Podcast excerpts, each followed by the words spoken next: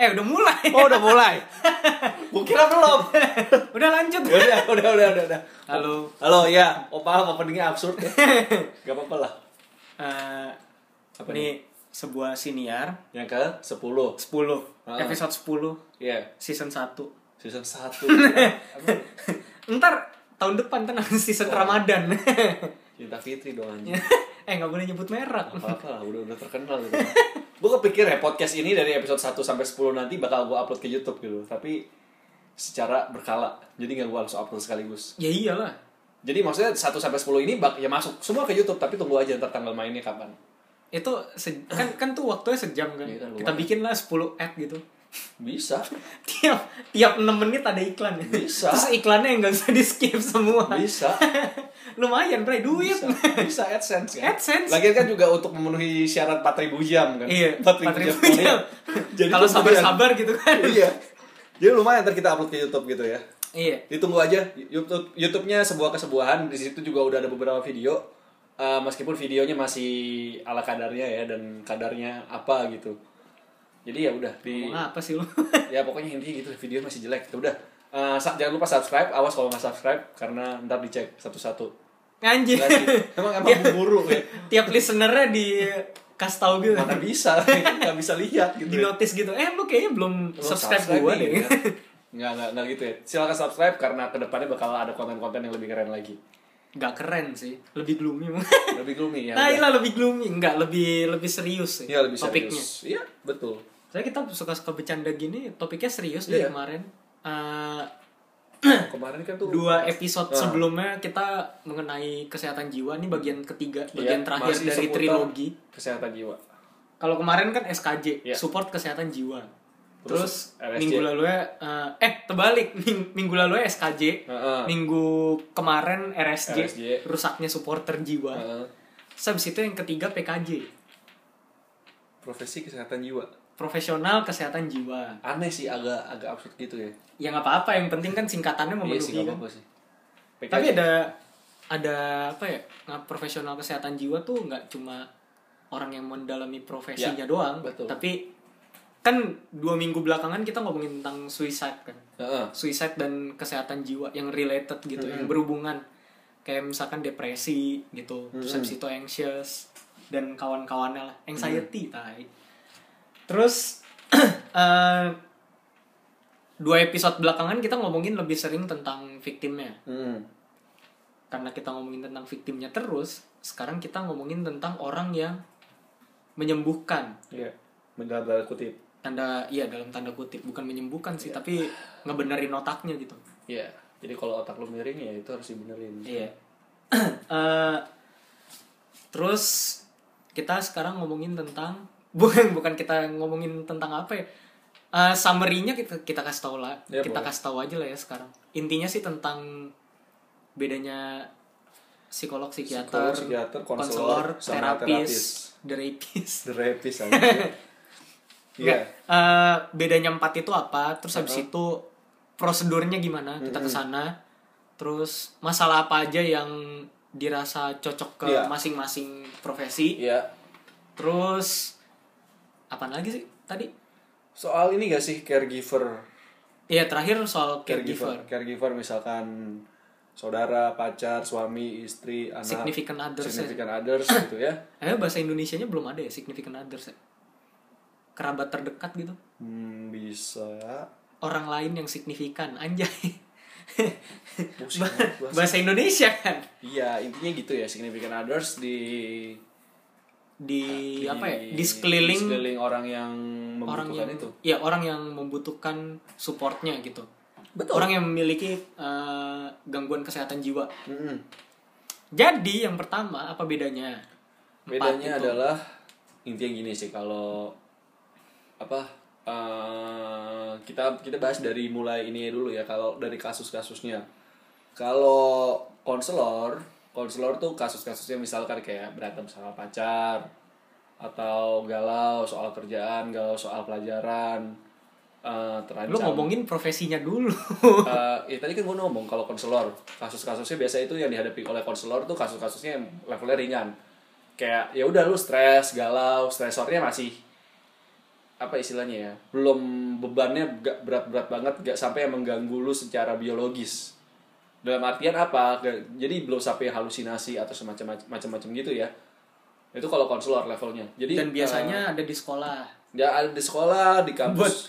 Itu juga eh, ada. apa? Bimbingan konseling budi Ah. pekerti. Nah itu biasanya diajarin sama konselor. Ya. Biasanya mereka lulusan dari eh, pendidikan. Ya. Bisa eh, dari fakultas pendidikan buat apa sih itu? Keguruan. Keguruan sama konseling lah intinya Heeh. ada. Terus eh, ada juga tapi dari psikologi juga Iya. S1 nya psikologi terus habis itu ngambil spesialisasinya di klinis anak Heeh. bisa jadi konselor Ah, Tapi klinis nggak semua sih, cuma klinis anak biasanya lebih ke- psikolog anak kan iya, Iya. biasanya jadi psikolog anak tapi tergantung sih Kons- tapi konselor- umumnya kayak gitu sih kalau enggak S1 tapi udah punya Iya, sertifikasi benar. Jadi S1 misalnya dia dari arsitek atau dari apa? eh, teknik mesin misalkan gitu. Bisa aja lu ngambil sertifikasi, sertifikasi konselor gitu Ah, nggak konselor. nggak apa-apa nggak masalah gitu. Kan bisa aja kan sering kali kan waktu itu gue pernah ikut training konselor yang pembawa ininya pembawa acara lagi apa pembawa materinya. Pembawa pembawa acara anjay. Sama yang punya bironya dia tuh lulusan arsitek. Oh. Dan kenapa dia ambil konselor dia memilih jalan itu karena dia keingat kalau nggak salah saudaranya ada yang kena narkoba gitu dan dia ngerasa kayak nggak nggak bisa menolong saudara ini karena saudaranya sampai suicide gitu. Oh. Jadi dia pikir ya haruslah gua kayak begitu. Banyak sih cerita-cerita seperti itu dan eh, umumnya juga konselor-konselor itu ada di biro-biro biro konseling biro biro jodoh mungkin ya. Eh tapi bener loh ada, Eh, bisa, bisa. ada, ada konselor cinta kalau lu mau lihat. Itu siapa? Hitman system. Silakan cari sendiri itu apa. Siapa tuh Jen Oh iya ada Jen juga di sini sama ada teman kita. Nah, Iya. baru pertama kali ke rumah lu. Ya sebut saja Hartono. Itu nama belakangnya kan? Bukan namanya Hartono. Bangke lu udah ngatainnya bapak bukan bapak juga bukan. Hartono eh tapi ada Hartononya sih. Tuh kan? Tapi gua gak mesti ngatain bapak ya loh bener gua gak mesti ngatain bapak lo Pa- ya. parah sih. Biasa udah biasa. Udah biasa Dia ya? emang begitu kok. Gue gak usah nama ini cuma kayak katanya siapa sebut aja Hartono ya udah Hartono gitu. Nggak ini namanya Rika. Heeh. tolong kenalkan salam kenal gitu kayak family 100 family 100 loh assalamualaikum. Ya kan? Ya, tadi saya mana ya? Lanjut, lupa. lanjut. konselor konselor sampai Hartono ya ya konselor jadinya eh, kayak gitu ya. Jadi nggak nggak masalah lu mau dari bidang apa pun gitu kan. Dan bi- biasa konselor juga ada tuh ya tadi gue bilang kayak konselor konselor masalah-masalah percintaan gitu kan. Karena kan banyak ada fokusnya sih. Heeh. ada fokusnya. Karena kan banyak tuh apa masalah-masalah percintaan kekerasan dalam pacaran atau mungkin lu nggak pede PDKT sama cewek gitu kan. Atau lu punya masalah-masalah tertentu dalam dalam urusan romansa ya silahkan ke konselor sana. Ini gue promosi sih langsung nih kan kan oh jadi kalau lu denger boleh lah mention kita ya, ya. pesan sponsor sponsor aja boleh lah boleh lah padahal sponsornya belum ada iya ya. kita juga belum ada sponsor gitu ya lumayan lah duit duit jajan batagor Iya gitu kan Menjadi batagor. Atau paling umum juga konselor keluarga itu paling umum banget. Biasanya kalau misalkan lu tinggal di satu perumahan yang cukup mumpuni gitu kan. kayak misalkan daerah ya daerah-daerah orang kaya gitu Heeh, atau daerah-daerah istilahnya apa ya? Klaster-klaster yang mantap lah gitu kan. menengah ke atas Menengah ke atas biasanya tuh ada tuh kalau misalnya lu lewat kan biasa suka rumah-rumah perumahan menengah atas kan biasanya suka ada ruko-ruko kan. Nah di ruko-ruko itu juga banyak tuh konselor keluarga biasanya. Sama konselor untuk anak eh, bimbingan belajar. Tapi kalau biasa yang kalau konselor yang ini nih gangguan belajar tuh emang lulusan psikologi sih. harus lulusan sih Iya, karena dia psikolog anak kan. iya Eh, sekalipun misalkan bukan pun mungkin bisa nggak lulusan psikologi tapi ada yang ngawasin. Karena kalau nggak salah temen mama gue ada di Tebet situ dia buka sekolah untuk anak berkebutuhan khusus. Dia bukan lulusan psikologi. Lulusan tapi didampingin? lulusan sastra Jepang. Tapi dia belajar. Terus ada pendampingnya gitu? Eh, du- di eh mentor. supervisor aja di gitu mentor tapi sekarang dia udah lepas sendiri gitu. oh. Dia sastra Jepang lulusan sastra Jepang. Sasjep terus itu ke dia ini tapi ada sertifikatnya sih dan ada izinnya juga ya jadi nggak nggak nggak Nggak sembarangan. nggak sembarangan gitu ya karena kan dilihat juga gitu kan taunya lu bikin kayak gitu taunya itu biro pedofil gitu kan anjir kan bahaya gitu kan penjualan anak Heeh, gitu-gitu kan. kan. bisa jadi pasti diawasin juga sih nggak nggak mungkin enggak ya terus apalagi ya tadi ya itu cinta paling gampang anak. sih paling gampang sih konselor itu ya di sekolah Heeh. itu paling gampang ditemuin di Yap. situ dan biasanya anak anak-anak SD SMP SMA biasanya sih yang, yang bersentuhan langsung sama Iya. mereka gitu. Betul. Jadi kalau misalkan lu udah pernah SD SMP SMA nih yang denger ya ketemu pasti Ya. sama guru-guru kayak gitu dan biasanya benci sih. Oh juga sih. Serius banyak banyak kan tuh gak suka sama guru konseling entah kenapa gitu. Tapi gue juga gue juga kurang suka sih dulu. Kalau gue dulu sih guru guru guru konseling gue baik baik aja ya. Dulu gue pernah disumpahin kagak naik oh, kelas. Oh pantesan lu kayak sering banget ya. lu kayak sering banget ya waktu SMP guru matematika nyumpahin lu gitu. Iya tiba-tiba dapat nilai bagus kan. terus ini guru Yoi. kayak gitu. Harus diancam dulu baru diancam kerja otaknya. Kalau kalau dulu enggak ya- otaknya pergi ngele- ngeloyor ke mana Nggak tahu. pernah tahu gitu kan. Itu sih biasanya kayak gitu ya. Istilahnya uh, konselor itu untuk first aid sama untuk bimbingan. Ya lu dibimbing benar-benar kayak misal lu emang nggak tahu arah ke mana lebih ke mentorshipnya sih. Heeh. Daripada- sosok sosok ada yang dampingin lu ada yang dengerin lu ada yang daripada lu fixing gitu. sih dibanding- daripada benerin. dibandingkan dengan psikolog yang emang tugasnya ya udah. Dalam tanda kutip ngebenerin. Dalam tanda kutip mau benerin gitu ya. Nyembuhin dalam tanda kutip. Nah itu kalau konselor ya. Eh, terapis berikutnya ya. Terapis juga mirip-mirip kayak konselor. Biasa juga eh, kayak tadi gua ngomong tuh sama kok hampir sama eh, persis sih sebenarnya. yang anak-anak autis anak-anak apa ADHD kayak gitu mereka dibawa ke terapis atau ya konselor anak juga bisa sih.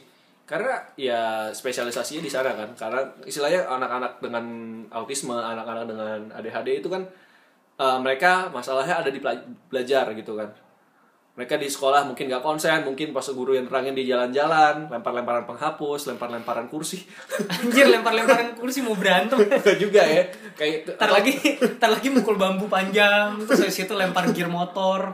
tawuran dong. Ya kayak gitu ya dia lempar-lempar penghapus atau mungkin nggak bisa diam gitu bubrak-bubrak teriak-teriak di kelas. Nah itu tuh gimana dia supaya konsen gitu kan? Biasa kayak gitu kayak gitu. Atau mungkin anak-anak yang belajar matematikanya susah banget gitu kan sampai uh, orang tua kayak nih ini anakku kenapa sih kok Bodoh banget gitu. matematikanya nah itu juga ada gangguan gangguan belajar gitu kalau misalnya kalian cari tentang gangguan belajar banyak tuh ada kayak apa diskalkulia itu kayak nggak bisa ngitung disgrafia nggak bisa bedain gambar Iya.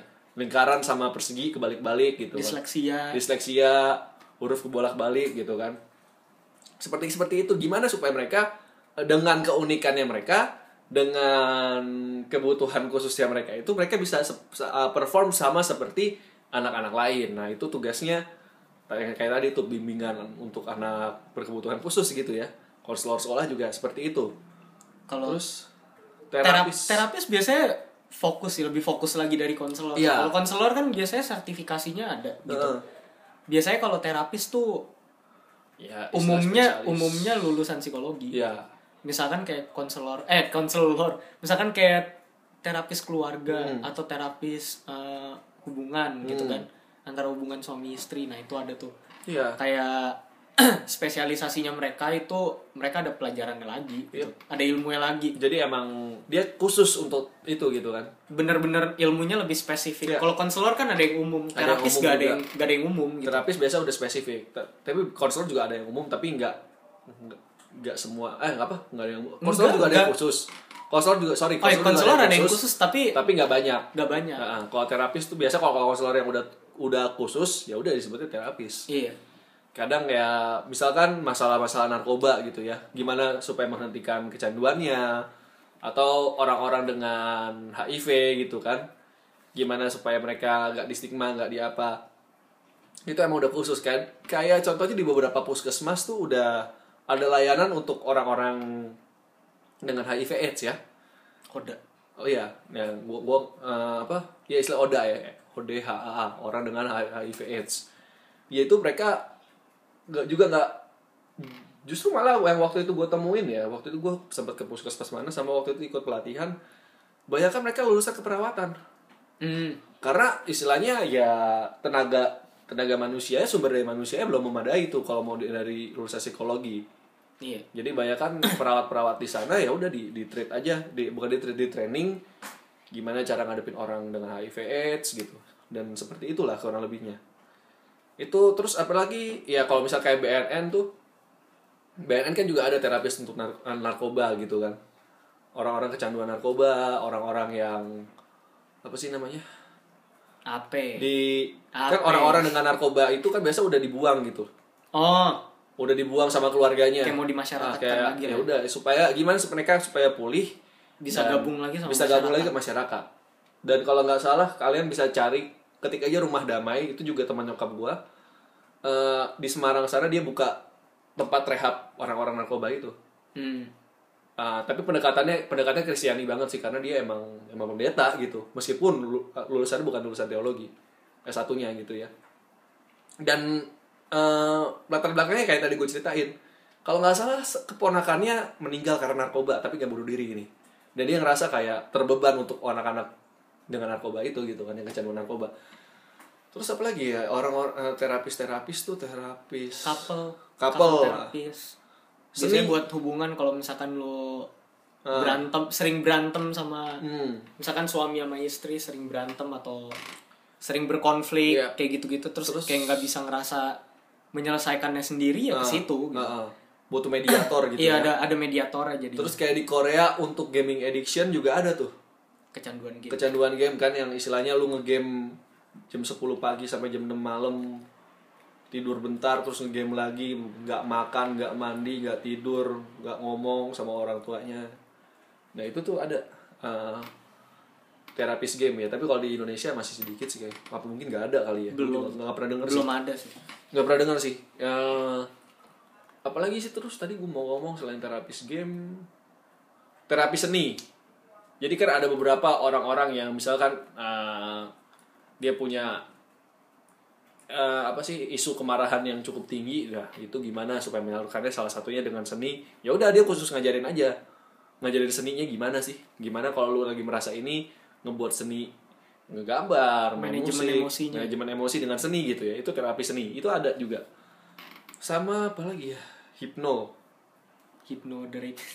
Hipnoterapis.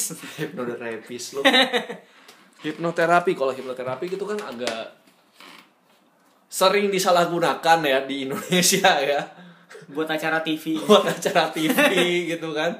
Buat hiburan semata di panggung-panggung yang ada. Nah itu padahal sebenarnya nggak sebenarnya enggak sebenarnya hi- hipnoterapi itu biasa apa? Buat pemulihan trauma. Istilahnya lu ngorek-ngorek alam bawah sadar orang kalau lu nggak bisa nutupnya tuh orang jadi geblek. Kalau lu main asal program ya. Kalau lu main asal program orang ngeblek lo orangnya. Susah jadi normal lagi. Susah jadi- Maksudnya susah jadi kayak dulu lagi iya. gitu. harus diprogram ulang istilahnya di dalam tanda kutip dipro- diprogram. Dan eh, sekalian ini aja nggak semua orang bisa diprogram gitu ya. Jadi nggak semua orang bisa dihipnotis intinya gitu sih. Kalau mau gue jelasin lagi panjang. Tapi sebenarnya hipnoterapi itu bagus. Tujuannya bagus. Tapi di sini banyak disalahgunain aja sih. Itu yang sangat disayangkan. Itu terapis. Itu terapis ya jadi kayak terapis itu emang ya dia udah punya sertifikat untuk melakukan terapi. Hmm. kalau konselor belum tentu. Biasa untuk umum aja untuk karena konselor kan orang-orangnya masih bisa diajak berpikir waras. Ngerti gak sih? Bisa diarahin untuk berpikir rasional. Tapi kalau terapis kayak tapi emang orang konselor agak awam sih. Iya. Buat beberapa masalah makanya mereka refer ke psikolog Iya. atau ke psikiater nantinya. Soalnya kalau emang itu nggak bisa mereka handle Iya, udah. Tapi benar. biasanya emang buat masalah-masalah enteng aja gitu. iya betul. Istilahnya kayak first aid gitu loh. Iya kayak P3K Ah, itu konselor ya jadi kayak kalau tapi kalau misalnya udah mulai relasional atau apa konselor biasa akan refer ke yang lebih expert. Ke yang emang udah khusus di sana. Misalnya kecanduan narkoba ya udah ke terapis narkoba. Gitu kan. Seperti itu teknik-tekniknya juga beda ya. Beda-beda ya kalau misalnya belajar psikologi tuh. Teknik teknik terapi psikologi banyak banget pedoman teorinya aja udah beda-beda iya istilahnya kayak orang ya orang Freudian sama orang Jungian Iya. Jungian Meskipun sama-sama psikodinamika. tapi beda Beda gayanya. Atau istilahnya kayak neo-Freudian nah lo. Iya, Frankel terus habis itu Frankel eksistensial, Pak. enggak enggak maksudnya Oh, iya. teorinya eh Iya. yang ngikutin teorinya Frankel Heeh. dibanding sama Karen Horney Ah. misalkan Ya gitu-gitu. itu nama psikolog psikolog dan psikiater Iya. lah ilmuwan ilmuwan psikologi gitu Silakan cari sendiri Iya. Viktor Frankl F R A N K L. terus kayak misalkan Kubler Ross Iya. kan, itu juga beda gayanya Iya, kayak gitu-gitu be- beda banget. Karena banyak banget jenis terapi yang ada. gitu kan. sesuai pedoman nama eh pedoman teori yang mereka pegang sih Betul. jadinya. itu itu ya tadi ya soal konselor dan terapis Terus psikiater. Kalau psikiater itu dia S1 dokter. S1 itu dari kedokteran S- S1 ke kedokteran terus ngambil spesialisasi SPKJ, Iya, kesehatan spesialis- jiwa. Spesialis kesehatan jiwa. Jadi jangan lu tanya ada temen lu anak psikologi, oh lu mau jadi psikiater dong. Beda ya. Hmm. Please, beda ya. Jadi jangan langsung oh psikolog jadi psikiater ya. Jadi Enggak. jadi jadi psikolog ya. jadi psikolog. kok. jadi psikolog ya. Psikolog ya. Psikolog P-nya gak dibaca. Enggak, ya. enggak biasanya kalau misalkan kayak orang tua gitu kan nanya kan, ya, "Ah, apa eh, jurusan apa psikolog? Oh, eh jurusan apa psikologi gitu. Oh, mau jadi apa itu psikiater, psikolog. Psikolog. Ngomongnya gitu. Psikolog yang di itu dong Dragon Ball ya. Piccolo anjir. terus terus gini ya kalau misalnya nih intermezzo sedikit jadi kalau misalkan lu punya teman anak psikologi ketika dia mau menjelaskan sesuatu ke lu dan misalkan kayak hal perihal stigma perihal generalisasi yang salah kepada orang-orang gitu kan. Biasa yang sering diomongin ya anak ngom- susah ngomong sama anak psikologi. Susah ah ribet. Oh, anak psikologi ini kepinteran susah ah males. Ya gimana mau ini aja gimana stigma itu mau dihapus yang dijelasin aja kayak begitu dah Ya kayak nggak mau tahu ya Kayak udah mau tahu. udah udah apa ya udah resisten sama udah resisten kan gimana gitu kan kayak itu tuh kemarin gue baca di mana? Ini intermezzo sedikit ya. Di di Facebook ya kalau nggak salah. Orang Rusia susah mengucapkan R. Ang. Eng iya eng Eng. ya orang Rusia susah mengucap susah sulit untuk mengucapkan eng Terus orang Jepang- susah mengucapkan R dan L. L dan yang huruf eh, belakangnya hurufnya mati. Jadi kayak belakangnya T N. Orang Indonesia susah untuk mengucapkan sepertinya pertimbanganmu itu benar saya butuh belajar lagi soalnya Ya, kayak tadi aja contohnya Iya. gitu kan. Pas dijelasin itu apa, susah ah ngomong anak psikolog, anak psikolog beda. Susah ah anak psikologi ribet. Anak psikologi ya, bukan anak psikolog. Kalau anak psikolog itu anak yang anak yang bapaknya atau ibunya berprofesi sebagai psikolog ya. susah ya anak psikolog ya gimana ya? bapaknya yang nyusahin Susah anak psikolog ya. Apaan? Bapak gue bukan psikolog gitu kan. ya gitu ya. Jadi saya mana? Ya, Psikiater. psikolog, ya, psikolog dan psikiater. Nah, psikiater itu kedokteran. Dia medis banget. jadi Cara- dia ngasihnya obat bukan solusi Iya, Lu cara- bisa ngobrol sama mereka gitu cara diagnosanya cara kedokteran banget Ya, dan emang, emang emang caranya ya ya mana juga dokter dia- gitu kan nah, diagnosis jadi sesuai sama kaidah-kaidah Iya. kedokteran bukan sesuai sama kaidah-kaidahnya psikologi, psikologi gitu. beda agak agak sedikit beda meskipun misalkan dalam mendiagnosa orang taruhlah apa ya bipolar paling umum deh sering kali ini ya eh, teman-teman gua beberapa kenalan gua mereka didiagnosa bipolar sama psikiater. Padahal pas setelah gue coba ajak ngobrol gue cari tahu dia bukan bipolar sih cuman agak terganggu aja emosinya. Di stres aja stresnya cukup berat. Tapi ya namanya dia dokter. Dokter harus eh, istilahnya buka buka DSM buka kitabnya itu eh, cari ini apa. Ngerti kan maksudnya ngerti nggak lu maksud? Ngerti gak lo maksud gua? Jadi udah ada kaidahnya. Jadi nggak ada tuh. Di kaidah itu nggak ada stres nggak ada tuh apa. Kaidahnya udah langsung langsung udah langsung apa yang ke ada gitu. sana. Jadi kalau misalkan kalian apa istilahnya di ini tanpa tanpa mengurangi ras apa tanpa mengurangi apa sih istilahnya kredibilitas suatu profesi ya. Ini gua ini gua ngomong supaya gak salah aja. Karena sering kali teman gua ya gua, gua bipolar. Udah menstigma dirinya bipolar padahal enggak, sugesti habis itu padahal enggak bahayanya iya gitu Gue gue kronik depresif, padahal enggak. Nah itu tuh yang harus hati-hati tuh. Jadi kadang kalau misalkan kalian dan juga jangan sembarangan gitu ya. Kalau misalkan dirasa nih gue kayak galau parah nih udah tiga bulan, lu buka Google baca-baca tahu-tahu kanker WebMD ya saya merasa pusing gitu kanker. kanker otak gitu. Sama kayak gue ngerasa galau, gue merasa sedih selama tiga bulan terakhir. Langsung cari oh nih gue kronik depresif. nggak nggak segampang itu Oh nggak segampang itu. cuma gini sih kalau misalkan psikiater eh, itu bagusnya emang nanti Iya nanti. Kalau misalkan lu udah punya, bukan udah punya, eh, lu memiliki gejala-gejala yang udah sangat mengganggu lu, kayak misalkan halusinasi auditori gitu, halusinasi sensori, kayak misalkan lu suka melihat yang aneh-aneh atau mendengar suara yang aneh-aneh, hmm yang aneh-aneh ya aneh-aneh yang aneh yang nggak wajar. Maksudnya gitu bizar gitu kan. Kotor lu dok. Bukan itu ya padahal ya. Bukan itu.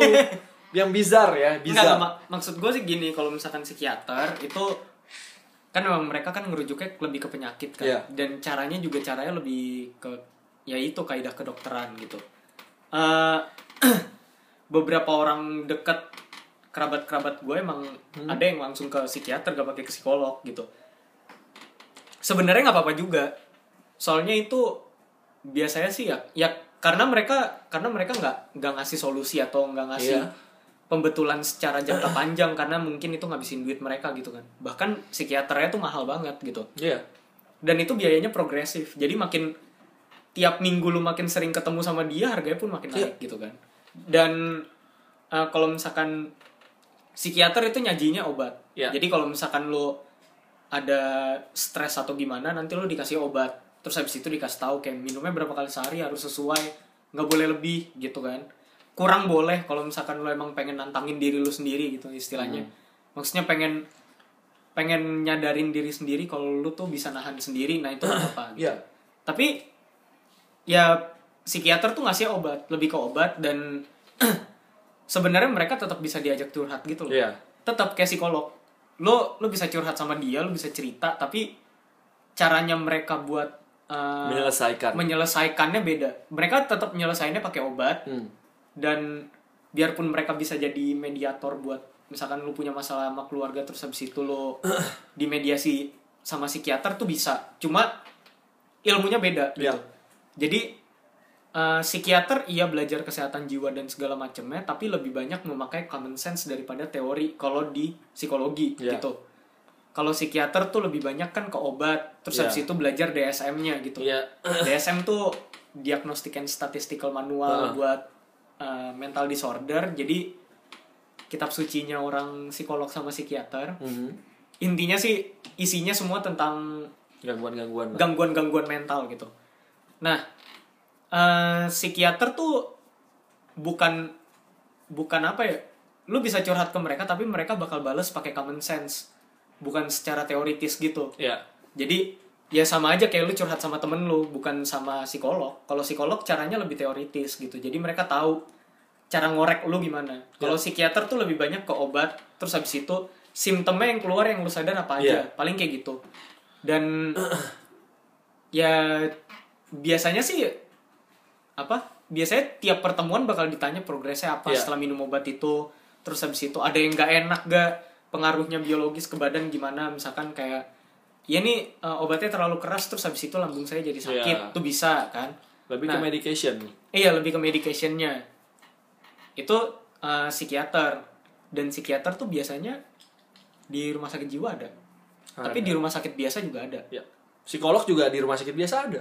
ada cuma jarang sih banyak kan yang Rumah sakit rumah sakit gede ada sih. iya rumah sakit gede doang tapi kalau rumah sakit pemerintah mungkin ada tapi kayak cuma satu atau Iya. dua gitu nggak sebanyak yang di rumah sakit swasta gitu Eh, Ya. terus psikolog kalau psikolog tuh ya udah S1 nya psikologi S2 nya psikologi S3 nya psikologi kalau emang pengen S3 Iya. Itu kayak gitu Eh, terus kalau di klasifikasinya gini kalau misalkan di dalam negeri sesuai sesuai aturannya HIMSI himpunan psikologi Indonesia eh himpunan psikologi dan psikiater Indonesia Iya. Gue lupa lah. Itu dah. Pokoknya HIMSI bisa cari sendiri lah ada HIMSI. Itu aturannya kalau orang Indonesia itu kalau mau jadi psikolog itu harus S2. Ya. Dari mana pun boleh, tapi S2, S2 psikologi. Maksudnya mau luar mau, mau dalam negeri boleh kan? iya boleh dari dalam negeri atau luar negeri, bukan maksudnya S1, S1 psikologi, S2-nya teknik gitu kan nggak Ah. mungkin. Nggak, nggak kayak gitu. Eh, kalau dari luar eh kalau di luar negeri kayak misalkan di Eropa atau di Amerika itu gayanya beda, harus S3. Kalau lu mau jadi psikolog tuh harus S3 dulu. Jadi S2-nya tesis, kelar S2, S3-nya tuh eh, lu harus praktek. Ya. Jadi praktek di di biro tertentu, terus habis itu lo harus menjalani kayak 100 jam apa kalau nggak salah. Ada ada prosedurnya gitu. Terus mereka baru jadi psikolog setelah S3 gitu. Itu kalau di luar negeri, kalau di dalam negeri S2 aja cukup. Jadi kalau misalkan lo terdaftar sebagai psikolog di Indonesia terus lu mau ke luar negeri lu nggak bisa Iya. lo harus jadi S3 dulu baru jadi psikolog beneran gitu tapi kalau misalkan dari luar negeri ke sini ya udah lu udah disembah-sembah. Soalnya ya soalnya udah lebih pintar gitu. Iya. udah ada ilmunya udah lebih kelihatan gitu. Udah aplikatif. Dan lagi gini sih kalau di luar negeri itu eh wah S3 harus dokter dong, harus menemukan sesuatu apa namanya? eh, teori baru dong atau apa? Enggak, bukan, teori baru sih enggak. Bukan Cuma yang ke situ gitu, tapi ya metodenya tahapan lu- disempurnakan juga bisa. tahapan lu tuh kayak kayak orang S3 aja gitu sih istilahnya. Iya. Jadi nggak nggak mesti lu bikin teori baru, kah mesti lu bikin penemuan baru gitu kan. Iya. Terus eh, kalau misalkan psikolog itu nyediainnya biasanya eh, metode-metode terten- tertentu sesuai sama yang kita bilang tadi. Jadi ada ada apa ya? Mereka ada mereka ada acuan teori yang mereka Iya. suka gitu. Misalkan psikodinamika, eh, Freud, Jung gitu kan. Terus habis itu eksistensialis kayak Frankl. Terus habis itu yang psikologi modern siapa kayak gitu-gitulah. Jadi mereka punya acuan teorinya sendiri. Terus metode tiap psikolog tuh bisa beda-beda tiap orang Hmm. dan tiap eh, tiap gangguan mental itu cara ngetreatnya juga beda. Kayak misalkan suicide gitu, suicide beda kan. Iya. Kayak gitu-gitulah. Terus habis itu kayak depresi, depresinya apa? Depresinya beda. Terus habis itu misalkan kayak tadi ADD, ADHD itu juga beda. PTSD beda lagi gitu. Iya. Jadi gimana ya kayak istilahnya psikolog itu kadang misalkan lu ke psikolog A, lu dites pakai alat tes C sebut aja gitu ya. Lu ke psikolog B, bisa jadi alat tesnya beda. Iya, soalnya ya acuan teorinya beda gitu. Terus prosesnya pun lebih panjang. Kalau misalkan psikiater tuh bisa kayak tiga tiga empat kali pertemuan lu dapet obat Hmm. bisa sembuh gitu. Tapi em, yang gak menjamin juga lu sembuh bener-bener. Iya. Tapi at least berkurang gitu. Kalau misalkan psikolog itu kan karena mereka nyediainnya biasanya solusi kan. Dan mereka nyembuhin orang istilahnya gitu. Nyembuhinnya tuh bener-bener yang bisa sampai bisa sampai bener-bener gak kepikiran lagi gitu bisa sampai hilang bener gitu nah eh, mereka tuh lebih panjang biasanya bisa tiga bulan enam bulan terus habis itu persesinya berapa berapa jam Hmm. setelah ada ada proses prognosis anamnesa diagnosis terus habis itu nanti auto anam- anamnesa, Iya. alo anamnesa. Apa tuh alo anamnesa? Kalau auto anamnesa tuh dari ya lu ngediagnosa pakai alat tes si pasiennya yang dites gitu atau kliennya. Tapi kalau alo, lu akan tanya significant others-nya. jadi Dia rekan di- terdekatnya iya, lah gitu Dia dia dia kalau di rumah gimana? Dia kalau di kerjaan gimana? Dia kalau di tempat kuliah gimana? Gitu. Untuk melihat seberapa apa istilah fungsi sosial ini terganggu ya sampai mana gitu. iya kalau misalkan nggak terganggu ya udah gitu Iya. tapi kalau misalkan terganggu apa yang bisa dilakukan Iya, gitu. apa yang bisa dilakukan? Langkah selanjutnya Nah, apa? Seperti itu gitu. gitu. Terus eh, biasanya tuh 3 sampai 6 bulan kan di di apa ya? Diobservasi dulu. Ya. Terus habis itu nanti ada eh, tanya jawabnya, cerita-cerita segala Ya. macam. Terus habis itu nanti eh, 6 bulan 6 bulan dia jalan dilihat nih, bisa dilihat biasanya diagnosisnya apa. Ya. Baru nanti eh, cara treat tuh apa ya? Merawat. cara nge-treatnya ya cara cara merawatnya gimana cara menanggulangi uh, kelainan mental yang ada gimana Hmm. gangguan mentalnya gimana cara nge-treatnya lah gitu Mm-mm. jadi nanti uh, ya berusaha sampai sembuh kalau misalkan gak sembuh lu di refer Ya. jadi proses refer itu antara lu ke psikolog lain Atau, atau misalkan lu uh, pengen dibilang ya udah terapinya pakai obat aja Iya. nah itu baru ke psikiater gitu Iya. nah ke psikiater nanti lu cerita lagi biarpun mereka udah dapet anak eh apa uh, udah dapet diagnosisnya Iya. Udah tetap lu harus ceritanya lagi uh, gimana gimana gangguan mental itu mengganggu diri lu sendiri dan orang lain atau Hmm. lingkungan sosial lo Hmm. baru habis itu dilihat garis besarnya baru dikasih obat yang cocok apa Hmm. baru habis itu nanti di refer balik lagi ke psikolog buat ngelihat progresnya gimana plus ke psikiater juga kayak gitu Iya. Kayak gitu ya. Nangkep nggak? ngerti nggak lu maksud Ngerti nggak lo maksud? Udah 4, oh 34 menit. Gue kira 43 menit. Eh lah udah biarin aja Nggak apa-apa sih. Takutnya kepanjangan gitu. kagak lah kan sejam sejam tuh ya iya, sejam. Nah, tadi ah, udah udah apa? bedanya itu udah bedanya udah, udah, ya ya terus habis itu eh, cari yang cocok cari yang cocok tuh gimana ya gampangnya gini sih kalau misalkan masa lalu masih ya gue nggak bisa bilang ringan sih cuma misalkan masa lalu itu belum mengganggu interaksi sosial lo hmm. nah lo masih bisa ngobrol segala macem tapi lo ya tingkat stresnya ada tapi bukan berarti itu mengganggu orang lain juga dan mengganggu diri lo sendiri gitu. Ya. itu ke konselor masih bisa. Kalau konselor udah bilang uh terlalu berat gitu kan. Hmm. nah itu biasanya antara di refer ke psikiater atau ke psikolog gitu. Terapis juga gitu. Kalau terapisnya ngerasa kalau itu nggak bisa dia handle ya udah dia ke psikolog atau ke psikiater gitu. Terus eh, kalau misalkan ke psikolog atau psikiater itu biasanya masalah-masalah yang udah berat. Ya. Bilang lah eh, lu tiba-tiba punya keinginan buat bunuh diri. Ya. Atau lu punya eh, apa ya punya bayangan kalau lu tuh pengen bunuh diri gitu. Lu udah punya Betul. rencana yang Mat- matang. Eh, rencana yang matang buat bunuh diri dan segala macamnya lah. Itu bagusnya ke psikolog dan ke konselor lagi. Karena bukannya buang waktu sih bisa. Cuma lebih cepat lebih baik sih Iya. gitu. Terus kalau misalkan lu punya delusi halusinasi terus habis itu lu punya trauma itu ke psikolog juga. Daripada lu capek-capek ke konselor atau ke terapis dulu Iya. mendingan langsung ke psikolog atau psikiater. Itu lebih cepat. Karena uh, biasanya gangguan-gangguan mental yang kayak gitu tuh harus bisa dideteksi secara dini dan bisa di treat secara cepat gitu. Tapi kan gini sih masalahnya kan salah satunya orang Indonesia kurang aware. Pertama kurang aware kedua urusan ekonomi sih. Karena ya jujur aja psikolog sama psikiater tuh mahal gitu.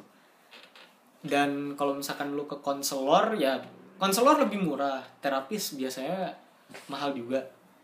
Coba biasanya konselor ya bener-bener P3K aja lah gitu. Kalau misalkan emang lu keluarga lu kurang aware atau gimana lu minta significant others lu yang lain. Misalkan kayak pacar atau teman baik gitu buat nemenin ke uh, psikolog atau psikiater gitu. Kalau misalkan lu pengen sendiri that's fine gak apa-apa.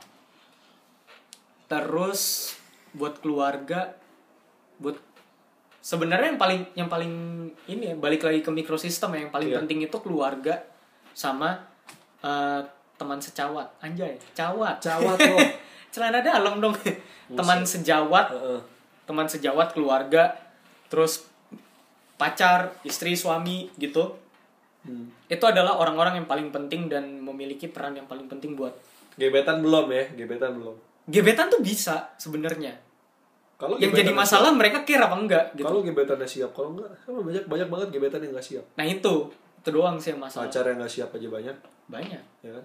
Ya gak usah salty dong do biasa aja. Apa sih kok? Gua jadi salty? Kan kan gua ngomong aja. Sabar maksudnya sabar do sabar do maksudnya kenapa? Karena karena karena banyak yang cerita ke gua.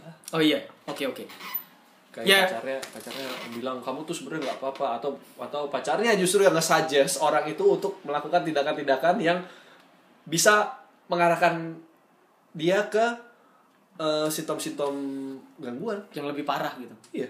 Ah, iya sih. Kalau misalkan gak siap sih ya emang kasihan juga. Cuma Ada. coba buat orang-orang yang siap lah.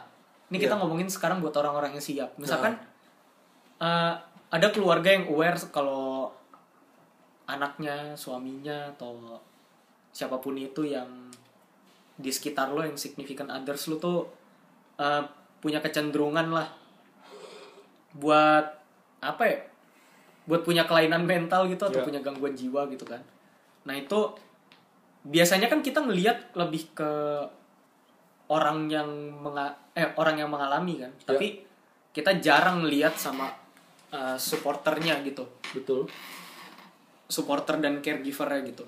Jadi uh, pertama bagaimana bagaimana cara buat jadi orang yang uh, baik sebagai supporter atau caregiver buat uh, orang-orang yang memiliki kecenderungan gangguan jiwa. Hmm. kita lihat dari situs apa tuh? positivepsychologyprogram.com nggak nggak kayak gak relevan deh. Relevan kok tenang aja. Iya. Kayaknya. Ka- karena dia nge- ngecatut teori-teori yang udah cukup apa istilahnya udah Iya kredibilitasnya ada udah kayak- udah bagus gitu ini ada kayak jurnal-jurnal juga Iya. mungkin gitu Eh, ini sih eh, pertama tuh gue jelasin latar belakangnya dulu ya Ya. istilahnya gini kalau misalkan lu punya kayak tadi contohnya pacar yang nggak siap atau mungkin suami istri yang nggak siap kalau lu kayak gitu eh, bisa jadi karena mereka orangnya pertama bisa karena mereka kurang informasi kedua karena masalah stigma di masyarakat ketiga eh, Ignoran. ignoran keempat nah ini yang kita bahas dia orang yang nggak resilient resilient tuh apa sih dok bahasa lu berat anak psikologi sih bahasanya berat resilient itu singkatnya daya lenting daya Tuh lenting bahasa Indonesia sesuai dengan KBBI. Nah, bingung gak lu daya lenting? Emang kita bola dok, kok lenting-lenting gitu? Istilahnya semakin lu terbentur, gimana lu bisa bounce back? Nah, ngerti gak? Membal. Membal. Anjay. Gimana lu bisa lawan balik? Dalam tanda kutip, bukan ngelawan balik terus lu tonjok-tonjokan, enggak ya? Cakar-cakaran, enggak. Enggak, bukan kayak gitu. Eh, jadi, resiliensi itu daya lenting ket- ketika lu menghadapi situasi sulit, gimana lu bisa menghadapi situasi sulit itu tanpa lu harus hancur, tanpa lu harus babak belur, tanpa lu harus mampus gitu istilahnya ya.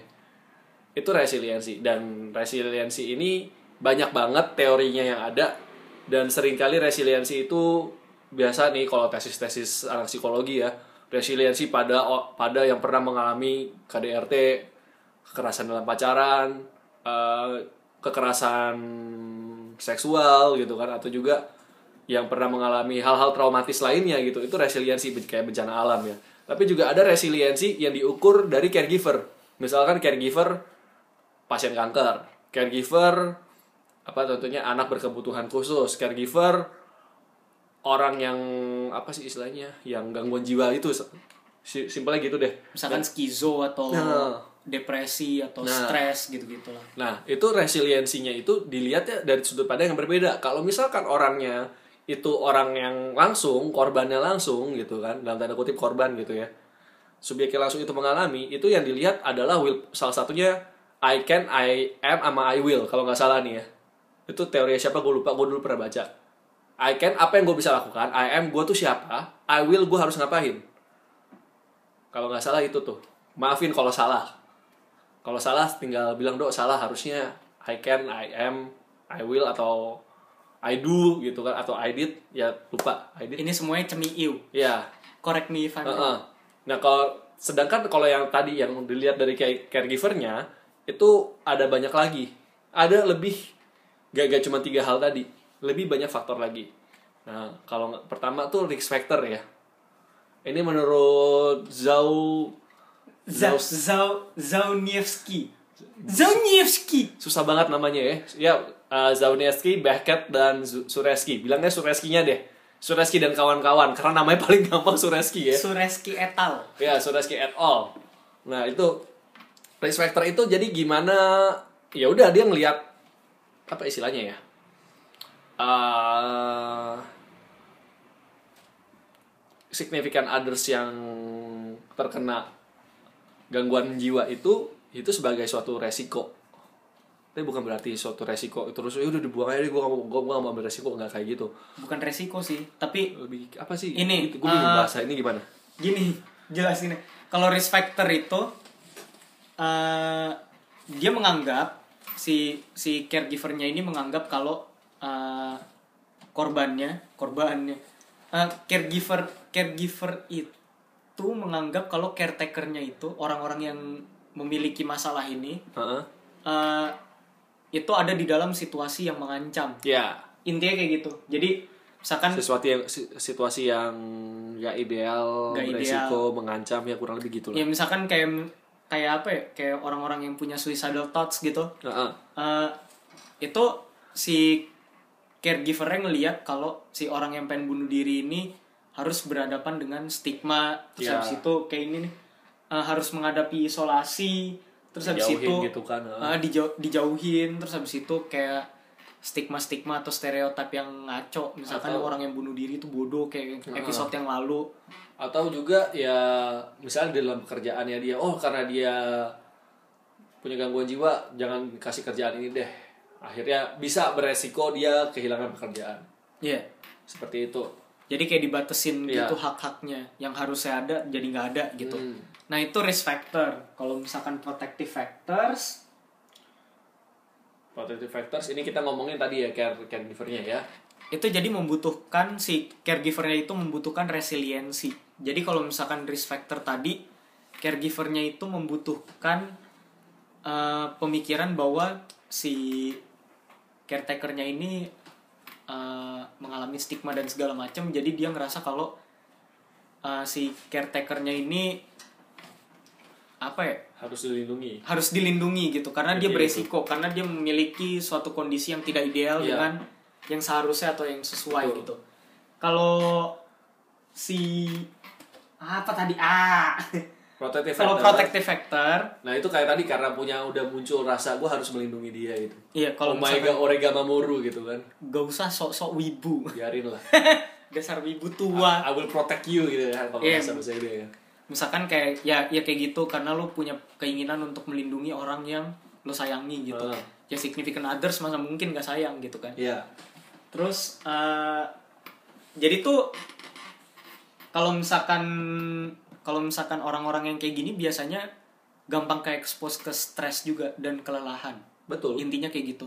Jadi ya sama aja kayak misalkan lu ngadepin orang yang curhat sama lu gitu kan. Lu juga capek pasti ngedengerin dia ngomongin hal yang sama terus misalkan iya gitu. ngerti Kan lah capek kan. Terus habis itu itu malah bisa bikin lu jadi ikutan stres dan akhirnya lu marah kayak nolak mereka gitu. bilang gue capek denger curhatan lu itu tuh terus itu tuh terus Iya, tapi kan secara etis nggak enak Nggak kan enak, di kan. didengar kayak gitu kan sama orang-orang yang apa orang-orang yang mengalami gitu kan. Hmm. Jadi kayak kesannya jadi membandingkan gitu, kayak jadi kompetitif kayak episode kemarin kita Iya. bilang gitu.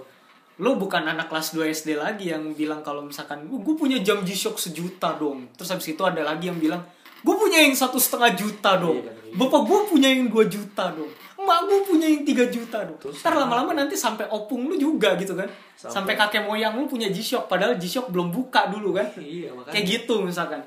Jadi nggak kayak gitu. Lu ya itu kayak gue bilang kemarin kalau hidup itu kompetitif tapi nggak jangan, jangan jangan jangan bodoh lah jangan-jangan bodoh gitu. Nah kalau di sini tuh eh apa? Kalau di protective factors ini tuh lebih ke arah iya lu bisa lu bisa capek tapi ingat lagi apa yang apa yang lo harus lakukan dan apa yang harus bisa lo fasilitasi ke si orang yang menderita gitu kan. Yep. Eh, biasanya sih orang-orang ini capek karena biasanya ngasih selalu ngasih outcome yang positif gitu misalkan ya lu nggak apa-apa gue sama Ah. lu kok gue mendampingi lu gue nemenin lu kayak Iya. gitu-gitu gue ada terus buat lu kok gitu-gitu kan nah itu biasanya itu juga bisa bikin capek orang gitu nah eh di sini dibilang sih there are said to be seven main determinants for conquering adversity in order to become resilient, stronger, more flexible and healthier. Jadi Hmm. ada tujuh ada tujuh determinan utama yang eh, bisa dipakai biar bisa jadi lebih tahan Hmm. daya lenting lu lebih tinggi lebih kuat Hmm. lebih fleksibel dan lebih sehat Ya. karena ya itu kalau misalkan orang-orang dengan depresi atau pemikiran untuk bunuh diri itu biasanya nyebarin nyebarin aura yang gak enak memang gitu jadi biarpun biarpun lu ngasih sesuatu yang positif kalau mereka mikirnya negatif terus lu bakal kecipratan bisa gitu ketularan jadinya lu capek buat ngadepin energi yang negatif Negatif. gitu jadi yang pertama Eh, itu acceptance. Penerimaan. Penerimaan. Jadi awalnya dulu kan ada tuh ya toleransi kan. Kalau toleransi tuh sebenarnya mirip-mirip sama ignorant lah. Lu nggak begitu peduli itu hak lu gitu. Hmm. itu hak lu ya udah. Gua nggak peduli. Itu ca itu tata cara lu. Ini tata cara gua.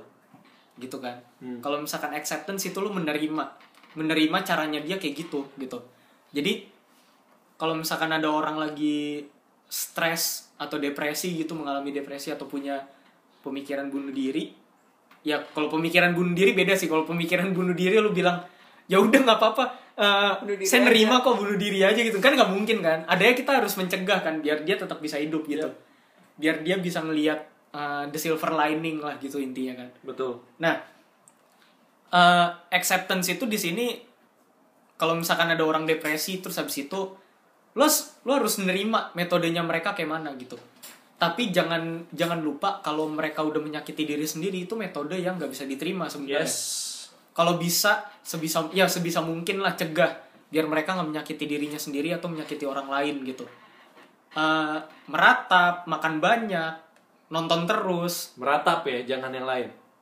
bukan merancap tai ya maksudnya ada juga metode yang kayak gitu Iya, dan itu fine fine aja gitu Tapi kan ada yang mer- dia merancap berlebihan iya sampai ya kalau lu nggak tahu merancap cari di KBBI gitu kan berlebihan sampai dia ya udah ya sampai sampai intinya nggak sehat gitu nggak Iya, bagus kan ada. gitu itu sama aja kayak lu self harm intinya Iya. gitu tapi misalkan kayak dia meratap merenung terus habis itu merefleksikan menyendiri Ah. atau jangan-jangan malah kebalikannya mereka harus ngumpul-ngumpul Ah.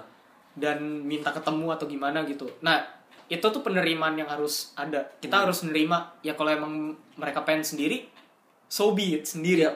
kalau misalkan mereka pengen meratap meratap sama mereka gitu Ah, betul. jangan jangan yang kayak gitu sama Kayak mereka gitu beda ya, beda ya. Meratap- Beda-beda. Meratap bareng sama merah bareng itu waduh.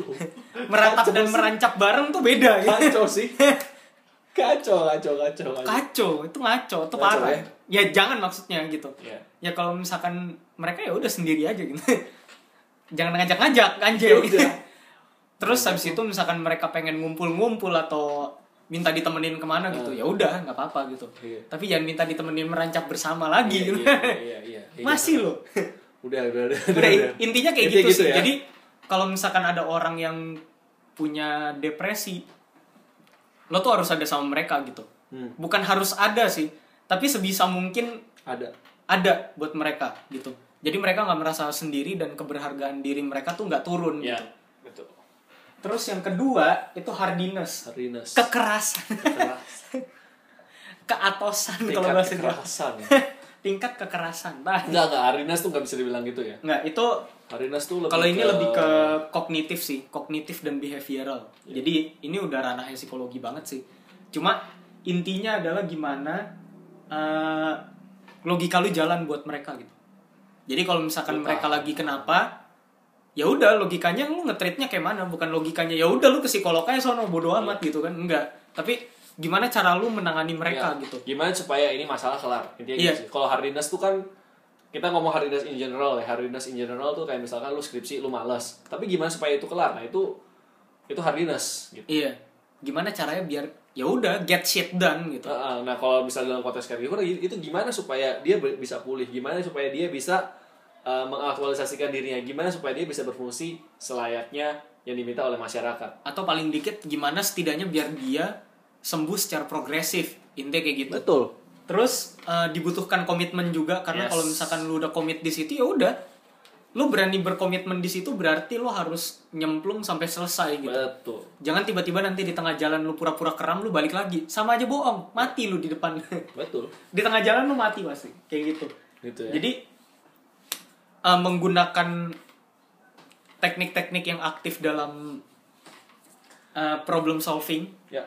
dalam uh, gangguannya dia dalam penderitaannya dia itu bagus jadi ya tanya-tanya terus habis itu cerita kenapa kayak gitu terus habis itu lo bisa ngasih opini juga atau misalkan ya kalau lu nggak bisa bi nggak bisa ngasih opini atau orang yang nggak butuh opini ya lu bilang aja. Ya udah gue sama lu tenang aja bareng kita nyelesain ini. Kita bakal uh, bawa bawa kopernya bareng-bareng gitu. Koper isi masalah ini bareng-bareng gitu. Betul. biar lo bisa sehat lagi gitu. Betul. Terus yang ketiga mastery. Mastery itu intinya kalau di sini ya mastery itu dibilang is when family members believe they have sense of control over the situation. Jadi eh, intinya sih seberapa ahli lu buat mengontrol situasi yang ada. Misalkan dia lagi kumat gitu terus habis itu dia stres dia pengen meratap atau gimana ya ya udah. Tapi lu harus bisa kontrol situasinya biar dia beneran lebih baik bukannya jadi lebih buruk gitu kan.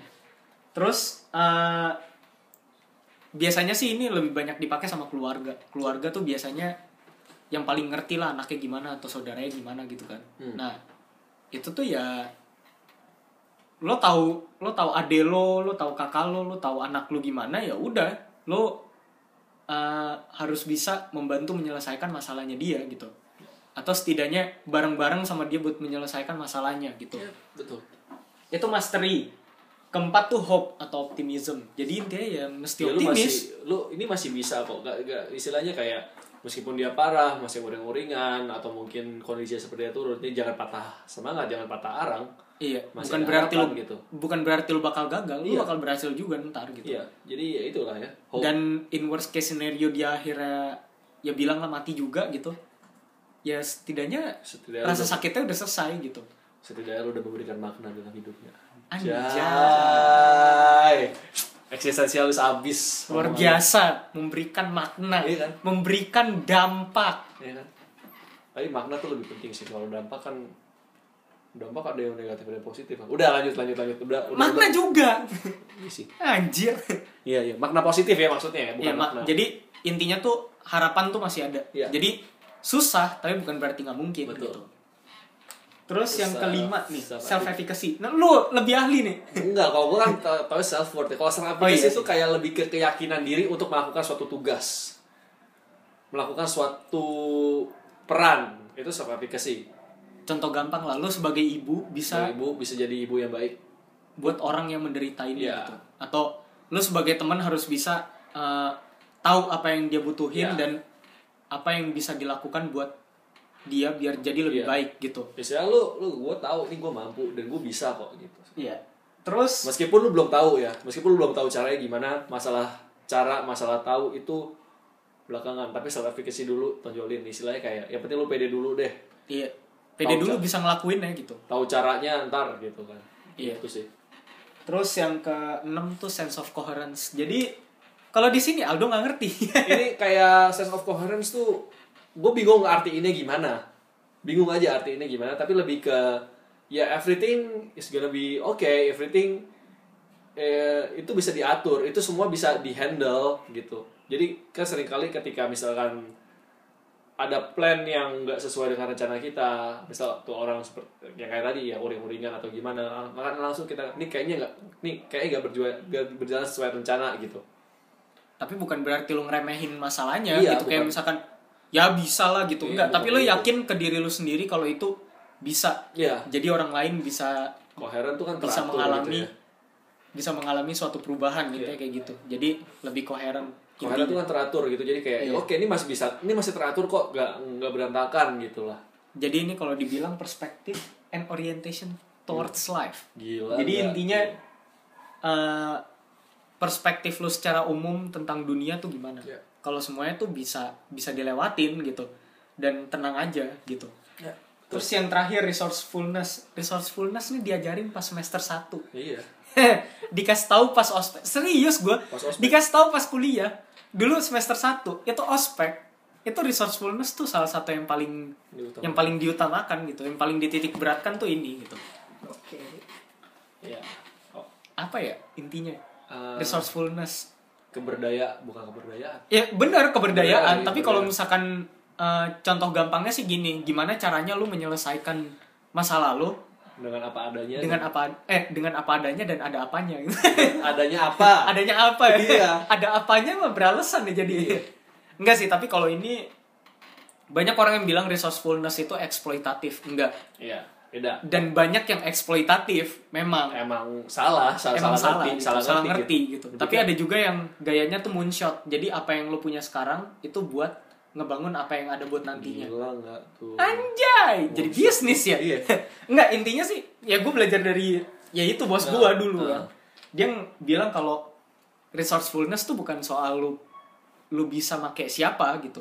Tapi gimana caranya lu bisa gerak sama orang lain biar punya satu visi yang sama. Iya. Intinya kayak gitu. Nah, resourcefulness itu bukan- juga bukan berarti memberdaya mem- memperdaya orang lain Memperdaya, ya. tapi ya. memberdayakan. memberdaya bukan memperdaya jadi ya intinya lu lu harus lu harus apa ya harus ya lihat di sekitar lu apa adanya gitu adanya Iya, apa dan adanya apa gunakan itu untuk menghal menghalalkan mengalahkan tantangan lu gitu iya intinya sih kayak gitu dan biasanya buat orang-orang yang support eh ya buat orang yang jadi caregiver ini lebih ke gimana caranya menyelesaikan masalahnya dengan seba, dengan berbagai cara.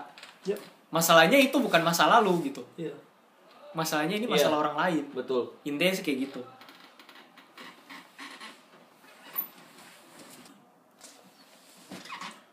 Oke. maaf tadi iklan. Ya tadi ada iklan. Jadi berhenti sebentar tadi. ya jadi eh ini karena udah lama ya Udah hampir sejam. hampir sejam jadi gue tutup aja langsung gue kasih kesimpulan gitu ya kesimpulannya adalah lu jadi apa tadi Eh, Jadi supporter caregiver, jadi atau supporter. caregiver Ketuker-tuker aja. terlepas apa pun profesi lu ada beberapa kewajiban-kewajiban yang harus lu penuhi gitu ya maksudnya gimana dok jadi istilahnya begini beda banget babysit sama lu jadi supporter Supporter adalah lu harus mendukung dia dalam segala hal. Hmm. Babysitter adalah yang memfasilitasi dia. ya jadi kayak misalkan taruhlah ada yang minta didengerin curhat sampai malam Ya, itu bisa, lu tapi kerja. sekali-sekali. padahal besok kerja dan dia minta gitu tiap hari ya lu berhak untuk nolak Karena itu udah merusak diri lu juga Iya, jadi. karena itu udah mulai mengganggu. Tapi uh, kewajiban lu apa setelah lu ngejelasin, setelah lu menolak, kewajiban lu adalah lu refer. Atau lu bikin dia ngerti kalau lu ngerti. kalau kayak gitu-gitu tuh nggak bisa dilakukan Iya. setiap hari karena ya lu butuh kerja atau gimana. Nah, ah. Jadi sebenarnya hubungannya tetap mutualis gitu. Iya. um, mutual relationship tapi ya iya lu ada buat mereka tapi bukan berarti mereka jadi dependent lu harus membatasi antara yang namanya dependent sama yang suportif gitu Psikolog pun juga ada caranya. Jadi ya kalau ke psikolog tuh bukan berarti ya ke psikolog ke konselor ke terapis atau ke psikiater bukan berarti lu terus-terusan ketergantungan sama dia enggak. Ada jadwalnya. Ada jadwal ya dan kalau misalkan udah ketergantungan biasanya malah diputus kontraknya Iya. karena nggak sesuai sama kode etik. Betul. Takutnya jadi subjektif. Dan intinya lagi, gitu. dan lagi gini sih soal ketergantungan ya gue ngomong ya. Istilahnya tugasnya para supporter para profesional itu kan memfa- eh, bukan memfasilitasi mem- mem- memampukan lo supaya lu punya kekuatan kalau misalkan lu jadi malah nggak kuat lu malah jadi klingi gitu malah jadi tergantung malah sama jadi supporter tergantung. lu nah menurut mereka pastinya mereka juga ngerasa apa yang mereka lakukan itu juga udah gagal gitu Iya, karena Nggak itu malah bikin lu jadi tergantung Iya. sebagai sebagai orang yang butuh support, lu malah jadi tergantung sama mereka bukannya malah jadi tahu kalau lu bisa ngelakuin ini sendiri juga dan bisa ngelakuin sama dia tapi bukan berarti dia tuh ngebabysit lu gitu. betul kayak gitu ya jadi Dia mendukung bukan merawat ya. gitu. jadi beda beda banget gitu loh. Jadi please di jadi jangan kayak ya lu kan udah support gua lu kan udah ngertiin gua lu lu kan udah paling tahu cerita gua jadi gua harus mengganggu lu bukan mengganggu jadi lu harus dengerin gua. Iya, nggak kayak gitu juga. kayak gitu ya nggak kayak gitu. Please Dan- uh, jangan lakukan hal itu ya. Kayak istilahnya ya kita semua punya kehidupan gitu ya Kita Dan yang jadi supporter punya juga ya jadilah supporter bukan enabler. ya. Beda gitu. Kalau lu jadi supporter lu mendukung dia di saat dia but emang butuh gitu. Betul. Jadi kalau misalkan dia udah melakukan hal-hal yang negatif terus habis itu lu bolehin misalkan ya gue boleh nggak please buat gue pengen self harm karena gue udah nggak tahan lagi dengan dunia ini. Lu ya kalau misalkan lu bolehin lu bodoh itu namanya lu enabler gitu. Iya. dan itu nggak benar gitu. Lo eh lo harus support dia bukan dengan cara yang kayak gitu gitu. Bukan dengan cara yang bikin dia enak terus tapi bikin dia tahu Ya. apa yang harus dilakukan dan apa yang harus eh, dihindarin gitu. Deh. Intinya gitu sih. Jadi ya lu berhak untuk nolak tapi kasih pengertian. Nolaknya dengan, dengan juga dengan pengertian ya. Jangan nolak yang kayak menjebalkan yang waktu waktu minggu lalu kita ceritakan. Iya minggu lalu atau dua minggu lalu. Nggak kayak gitu cara itu namanya gitu caranya. itu namanya bukan menolak sih sebenarnya tapi lo menghindari dari tanggung jawab lo sebagai orang yang dipercaya sebenarnya. Gitu. lebih tepatnya eh itu lu nolak tapi lu nolak pribadinya. Iya bukan menolak dia secara psikologis atau gimana gitu bukan bukan nolak istilahnya ya yang yang kayak contoh yang kemarin itu itu tuh nolak dia sebagai person. Itu udah parah banget sedangkan yang harusnya lu itu yang lu tolak adalah tolak eh, perilakunya dia yang clingy itu. Ngerti gak sih? Iya. Bukan Jadi- tolak the whole personnya gitu ngerti gak dan dan itu juga menurut gue nggak klingi gitu. Dia cuma dia Iya. cuma emang pengen cerita. Dan kalau misalkan ditolak kayak gitu itu menyakitkan. Ya betul. Dah segitu aja. Ya segitu aja. Udah udah maghrib juga eh. Tumben. Tumben. Kita sore soalnya. Gak, gak, gak Iya, jam soalnya tadi jam 3 Main. tetap sama aja main udah. Ya udah, segitu aja. Oke. Eh, sampai jumpa minggu depan. Jangan lupa dengerin juga minggu depan dan Ya. minggu-minggu yang lalu juga masih ada kok. Iya, betul. Ini episode ke-10 dari sebuah siniar. Jangan lupa subscribe, komen kalau misalkan ada apa-apa. Kalau misalkan lu bisa ngasih tema Ya. buat kita omongin bisa kita pelajarin dulu. Ya. Kita pertimbangkan. Ya. Terus eh, kalau misalkan mau ngirim pesan atau gimana bisa lewat voicemail di Ya. Anchor atau bisa juga DM via Instagram. Ya. Ki- Kita berdua Yep. kemarin yang Udah di- lihat aja description di minggu lalu Ya. itu udah kita kasih tahu semua kok. Iya, betul. Sip. Oke, bye-bye. Eh belum bye bye. Apa? Gue lupa ada satu lagi. Apaan? Kalau misalkan lu jadi supporter dan lu denger ini Heeh. dan lu nggak bisa melakukan apa-apa, Heeh. ada deskripsinya di minggu lalu. Ah. Itu nomor semua nomor Yang mengenai eh, iya, semua nomor yang dibutuhkan mengenai suicide prevention dan lain-lainnya. Iya. Oke, sip segitu aja. Oke. Sekarang baru bye. Bye-bye.